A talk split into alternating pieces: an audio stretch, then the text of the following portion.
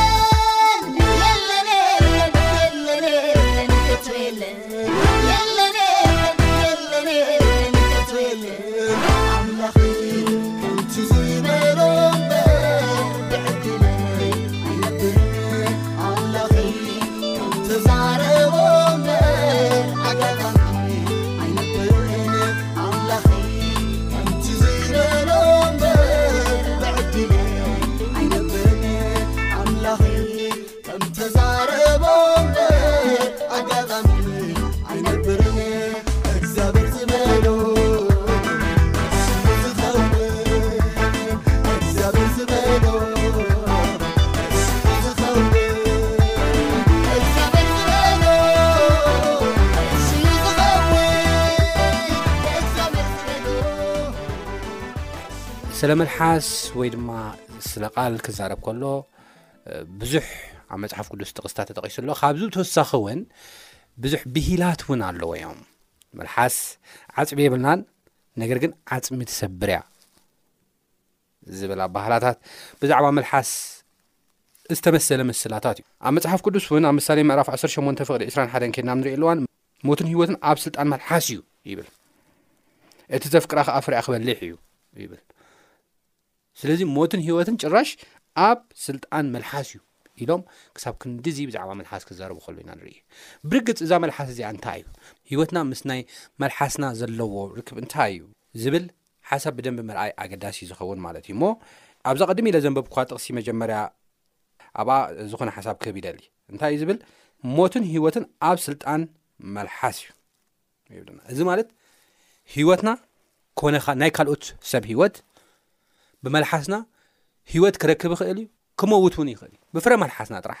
ብፍረ ኣዘራርባና ጥራሕ ከነቕንዖ ከነስተኻኽሎ ንኽእል ኢና ከነባላሽዎ ንኽእል ኢና ማለት እዩ ህይወትና ኮነ ህይወት ካልኦት ማለት እዩ ስለዚ ኣብቲ እንዛረቦ ኣብቲ መልሓስና እንጥቀመሉ ነገራት ክሳብ ክንደይ ከቢድ ዝኾነ ስልጣን ከም ዘሎ እዩ ዘርእየና ማለት እዩ ሰብ ይብል መጽሓፈ ምሳሌ ምዕራፍ 13 ፍቕሪ 23 ብፍረ ኣፉ ሰናይ ይሰሲ ነፍስቶም ጠለምቲ ግና ግፍዒ ትምገብ ኢሉ ኣፉ ዝሕሱ ህይወት ይባልህ ከናፍሩ ጋህ ዘብል ግና ጥፍኣት ይረኽቦ ይብለና ከናፍሩ ጋህ ዘብል ጥፍኣት ይረኽቦ ይብለና ስለዚ መልሓስና ክሳብ ክንደይ ወሳኒት ክምዃና ኣብ ህይወትናን ኣብ ህይወት ካልኦትን ንርኢና ማለት እዩ ጭራሽ ኢየሱስ ክርስቶስ ኣብ ማቴዎስ ምዕራፍ 12 ፍቕሪ 36 ክሳብ 37 እንታይ ኢሉ ነይሩ ኣነ ግና ብዘረባኻ ኢኻ ትጸደቕ ብዘረባኻ ኢኻ ትኹንን እሞ ሰብ ዝዛረቦ ዘበለ ዘይጠቅም ኩሉ ቃል ብመዓልቲ ፍርዲ ጸብጻብ ክህብሉ እዮም ኢሉ እቲ ዝዛረብዎ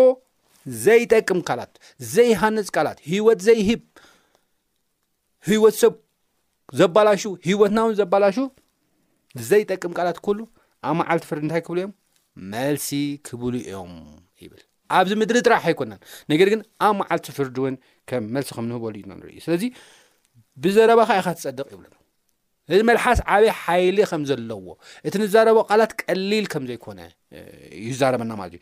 ምስዚ ተሓሒዙ ያዕቆብ እውን ስለ መልሓስ ስፍሕ ዝበለ መግለጺ ሂቡ ኣሎ።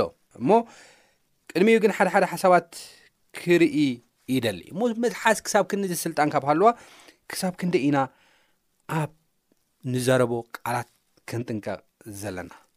ዳዊት ኣብ መዝሙር ዳዊት ምዕራፍ ሚእትን ኣርባዓን ሓደን ቁጽሪ ሰለስተ ከምዚ ዝብል ቃል ኣቐሚጡ ኣሎ። እስኪ መዝሙር ዳዊት ምዕራፍ ሚእትን ኣርባዓን ሰለስተን ቁጽሪ ሰለስተ ዘሎ ሓሳብ ነንብቦ። ጎይታየ ንኣፈይ ቀፊር ግበረሉ፣ ደገ ከናፍረይ ሓሉ ይብለና። ንኣፈይ ቀፊር ግበረሉ፣ ደገ ከናፍረይ ከኣ ሓሉ ይብለና። እዚ ቀፊር ዝብል እንታይ ማለት እዩ? ሓላዊ ማለት እዩ። ሓላዊ በሪ፣ ማዕጾ፣ ከልካሊ፣ ልጓም ማለት እዩ ቀፊር። ስለዚ ኣምላኸይ ንኣፈይ ቀፊር ግበረሉ ይብል ዳዊት ክጽሊ ከሎ ምክንያቱ መልሓስ ከቢድ ጽልዋ ዘምፅእ ኣብ ሂወትናን ኣብ ኣካሎት ሰብ ሂወትን ከቢድ ፅልዋ ዘምፅእ ዓብይ ክፍሊ ኣካላትና ስለ ዝኾነ እዩ ማለት እዩ ቅድም ኢለ ናብቲ ዝጠቐስኩዎ ኣብ ያእቆብ ምዕራፍ ሰለስተ ዘሎ ሓሳባት መልሓስ ብዛዕባ መልሓስ ብዙሕ እዩ ያእቆብ ዝዛረብ እሞ፣ ኣብ ዝተዛረቦ ቃላት ከነንብብ ይደሊ። እንታይ ይብል? ኣሕዋተየ ዝገድድ ፍርዲ ኸም እንቕበል ፈሊጥኩም ብዙሓት መምሃራን ኣይትኹኑ ይብል ክጅምር ከሎ። ኩላትና ብብዙሕ ነገር ንስሕት ኢና እሞ፣ ሓደ ብቓል ዘይስሕት እንተሎ ንሱ ንብዘሎ ስግኡ ክለጉም ዝከኣሎ ብቑዕ ሰብኣ ይብለና።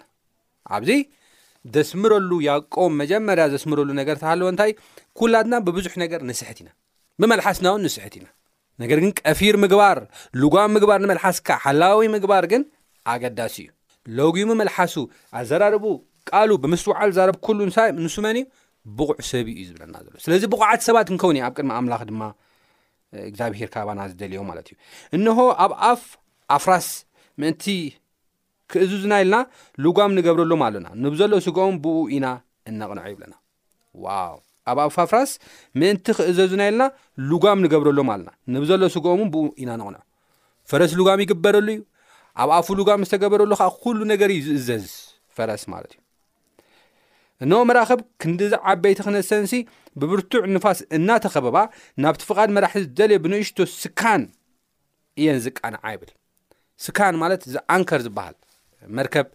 ብሰንሰለት ጌራ ተተሓዘሉ ማለት እዩ ከምኡ ድማ ልሳን ይብለና ንእሽተ ኣካል እያ ልክዕ ከምታ ልጓም ልክዕ ከምታ ስካን ብዓብዪ ነገር ትምካሕ እኖ ንእሽተ ሓዊ ክንደ ዓብ ዱር ዘይተንድድ ኢሉ ልሳን ሓዊ እያ እንተ ደኣ ብኣግባቡ ዘይተጠቂምና ኣላ ልሳን ኣብ ማእከል ኣካላትና ሰፊራ ንብዘላ ስጋ ተርክሶ እያ እንተ ደኣ ዘይተጠንቂቕናላ ንመዘወር ንብረት ከኣ ተንድዶ ብጋሃነብ ዝነደደት እያ።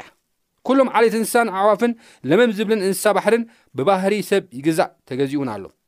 ግና ነኸ ንልሳንሲ ሓደ ሰብ እኳ ክገዝኣ ኣይተኻእሎን ይብለና። ንልሳን ክገዝኣ ግን ዝተኻእሎ ሓደ ሰብ የለን። ንሳ ዘይትዓርፍ እክይቲ ዝቐጥል ዝቐትል ሕንዚ ዝመልአት እያ። ብኣ ጌርና ንጎይታ ነቦ ንምርቕ። ብኣኣ ጌርና ነቶም ብምስሊ ኣምላኽ እተፈጥሩ ሰባት ንረግም። ካብ ሓደ ኣፍሲ ምርቓን መርገምን ይወጽእ። ኣሕዋተየ፣ እዚ ከምዚ ክኸውን ኣይግባእን እዩ። ወይስ ዒላዶ ካብ ሓንቲ ማይ ጥዑምን መሪርን ማይ ተፈልፍል እያ? ኣቱም ኣሕዋተየ፣ ኦም በለስ ፍረ ኣውሊዕ ከተፍሪ ይከኣላ እዩ፣ ወይ ተኽሊ ወይንስ ፍረ በለስ፣ ከምኡ እታ ዒላ ጨው ጥዑም ማይ ከተፈልፍል ኣይከኣላን እዩ። ስለዚ እቲ ናይ ጐይታ መልሓስ፣ ብጐይታ ዝተቐደሰ መልሓስ፣ ክፉእ ከፍሪ የብሉን፣ መርገምን ምርቓን ብሓንሳብ ከውጽእ ኣይ። ግባእን እዩ እዩ ዝብለና መፅሓፍ ቅዱስ ክዛረብ ከሎ ማለት እዩ እሞ ኣብዚ ሓሳብ እዚ ብጣዕሚ ዝመሰጠኒ ነገራት እቲ ናይ መጀመርያ ነጥቢ ተሃለወ እንታይ እዩ ያቆብ እናተዛረበ ዘሎ እናስመረሉ ዘሎ ኩላትና ብብዙሕ ነገር ንስሕት ኢና ብመልሓስና ከይተረፈ ንስሕት ኢና እዩ ዝብል ዘሎ ሰብ ብዙሕ ነገር እናገዘ ዓዲ እናገዘ ዓዲ እናተሓዳደረ ቤተሰቡ እናገዘ ቤተሰቡ እናተሓዳደረ መልሓሱ ኣፉ ግን ክገዝእ ኣይተኻእሉን ክሳዕ ሕጂ ኣብ ዘመን እዚ እዩ ዝብለና ዘሎ ካብ ዝተላዕለ በታ መልሓስ እቲኣ ይምርቕ በታ መልሓስ እቲኣ ምስጋና የቕርብ ንኣምላኽ፣ በታ መልሓስ እቲኣ ኸኣ ይራገም፣ ሕማቕ ቃል የውጽእ፣ ሓሶት ይዛረብ፣ ክፉእ ይዛረብ። ስለዚ መልሓስ ክገዝእ ዝተኻእሎ የለን ይብለና። ስለዚ ኣብዚ ሓደ ቦቶም ላይን ዝዛረበና ዘሎ ከነስምረሉ ዝግባኣና ሓደ ነገር መልሓስ ክንገዝኣ ዝግባኣና ኣዘራርብና ክንቆጻጸር ዝግባኣና ሰባት ክንከውን ከም ዘለና እዚ ናይ መጀመርያ ክሳዕ ሕጂ ኣይተኻእሉን ማንም ሰብ ክከኣሎ ኣይከኣለን እዚ ነገር ግን ብጸጋ ኣምላኽ ይከኣል እዩ። ቅድም ኢለ ኣብ መዝሙር ዳዊት ምዕራፍ ሚእትን ኣርባዓን ሰለስተን ከም ዘንበብክዎ ቀፊር ግበር ኣብ መልሓሰይ ሓላዊ ግበር ኢልና ናብ ኣምላኽ ኣብ ንረክበሉ እዋን እግዚኣብሄር ክረድኣና ጸግኡ ከብዝሓልና ይኽእል እዩ ንዛረቦ ነገራት ስለዚ መልሓስ ከቢድ እዩ ንምቁፅፀር ከምዚ ቀሊል ንሓስቦ ነገር ኣይኮነን እሞ እዚኣ ተቐዳመይቲ ነጥቢ እያ ካልኣይ መልሓስና እንተ ደኣ ተቖጻጺርና፣ ቅድም ኢልና ኣብ ምሳሌ ምዕራፍ ዓሰርተ ሸሞንተ ፍቕዲ ዕስራን ሓደን ከም ዝረኣናዮ፣ ህይወትናን ህይወት ካልኦትን እውን ከንብጆ ንኽእል ኢና። መልሓስ ንእሽቶ እያ ይብል መጽሓፍ ቅዱስ፣ ያእቆብ ምዕራፍ ሰለስተ። ንእሽቶ እያ፣ ነገር ግን ኢንፍሉዌንሻል እያ። ኣብ ህይወት ካልኦትን ኣብ ህይወትናን ዓቢ ተጽዕኖ ክትፈጥር እትኽእል እያ። እሞ እዛ ንእሽተይ ኣካል ክንቆጻጸራ ይግብኣና እዩ። እዚ ብቐሊል ክረኣ የብሉን። እንዛረቦ ቃላት መልሓስና ዓቢ ኢምፓክት ከም ዘለዎ ፈሊጥና ካብ ምዝራብሲ ካብ ብዙሕ ምዝራብሲ ምስማዕ እናመረጽና ክንነብር ከም ዘለና እቲ ካልኣይ ተማሂረ ማለት እዩ። እቲ ሳልሳይን ናይ መወዳእታን ከኣ ብፍላይ ደቂ ጎይታ ብፍላይ ደቂ ጎይታ ከኣ ልክዕ ከምዚ ሕውስውስ ዝበለ ኣብ ባቢሎን ዘሎ ህይወት ከውጽኡ የብሎም ኩሉ ግዜ ብጸጋ ዝተማልእ ናብ ደሓር ጥቕስታት ክመጽእ እየ ኣብ ቆላሳይስ ዘሎ ከንብብ እየ ብጸጋ ብጨው ዝተቓመመ ጸጋ ዘለዎ ዝጠቅም ቃላት ኢና ክንዛረብን ቃልና ክንዛረብ ዘለና ዝብል ሓሳብ እዩ ዘለዎ ማለት ስለዚ ኣገዳሲ እዩ ቀሊል ተጽዕኖ የብሉን እዚ ነገር እዚ ክብለኩም ደልየ እዩ እሞ እንታይ ደኣ እዩ ዝብለና መጽሓፍ ቅዱስ ኣብ ቆላሳስ ምዕራፍ ኣርባዕተ ፍቕዲ ሽዱሽተ ከም ዝብል ሓሳብ ኣሎ። ንነፍሲ ወከፍ ከም ዝግባእ ከመይ ጌርኩም ክትምልሱ ምእንቲ ክትፈልጡ፣ ዘረባኹም ብጨው እተቓመመ ኩሉ ሳዕ ብጸጋ ይኹን ይብለና።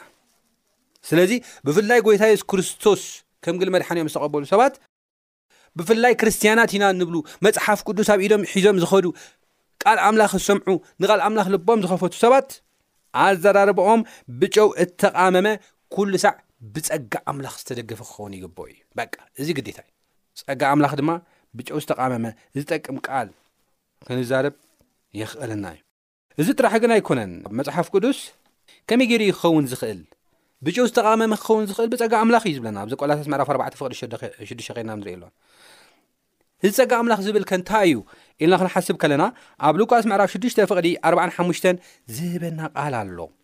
ሉቃስ ምዕራፍ 6 ፍቕዲ 45 እንታይ ይብል? ኣፍ ካብ ምልኣት ልቢ እዩ ዝዛረብ እሞ እቲ ሕያዋይ ሰብ ካብቲ ጽቡቕ መዝገብ ወይ ድማ ካብቲ ጽቡቕ ሃብቱ ጽቡቕ የውጽእ እቲ ክፉእ ድማ ካብቲ ክፉእ መዝገብ ወይ ድማ ካብቲ ክፉእ ሃብቱ ኣብ ልቡ ዘሎ ክፉእ እዩ ዘውፅእ ይብለና መፅሓፍ ቅዱስ ኣፍ ካብ መልኣት ልቢ እዩ ዝዛርብ እቲ ሕያዋይ ሰይ ካብ ፅቡቕ መዝገብ ልቡ ፅቡቕ የውፅእ እቲ ክፉእ ሰብ ድማ ካብቲ ክፉእ መዝገብ ልቡ ክፉእ የውፅእ ይብለና ስለዚ እቲ ዋና ሓሳብ ኣብዚ ዘሎ ዳኣ እንታይ እንተዳ ኢልና ልብና እንታይ ኢና መሊእናዮ ዘለና? ኣብ ልብና ተዓቚሩ ዘሎ ሰይፍ ተገይሩ ዘሎ ሃብቲ እንታይ እዩ? ምንቀኝነት፣ ጽልኢ፣ ክፍኣት፣ ተንኮል፣ ፍቕሪ ገንዘብ፣ ስስዐ፣ ሓሜት፣ ምጥፍፋእ፣ ምትላል፣ ተንኮል፣ ፍርሒ፣ ስግኣት ወይስ ፍቕሪ ኣምላኽ እዩ ተመሊኡ ዘሎ? ወይስ ምሕረት፣ ርህራሄ፣ ለውሃት፣ ይቅርታ፣ ስለ ካልኦት ምጽላይ፣ ስለ ዘለኣለማዊ ህይወት፣ ስለ ኣምላኽ ፍቕሪ እዩ ተመሊኡ ዘሎ እዩ? እቲ ናይ መጽሓፍ ቅዱስ ቃል ድዩ ተመሊኡ ዘሎ እዩ እቲ ሕቶ።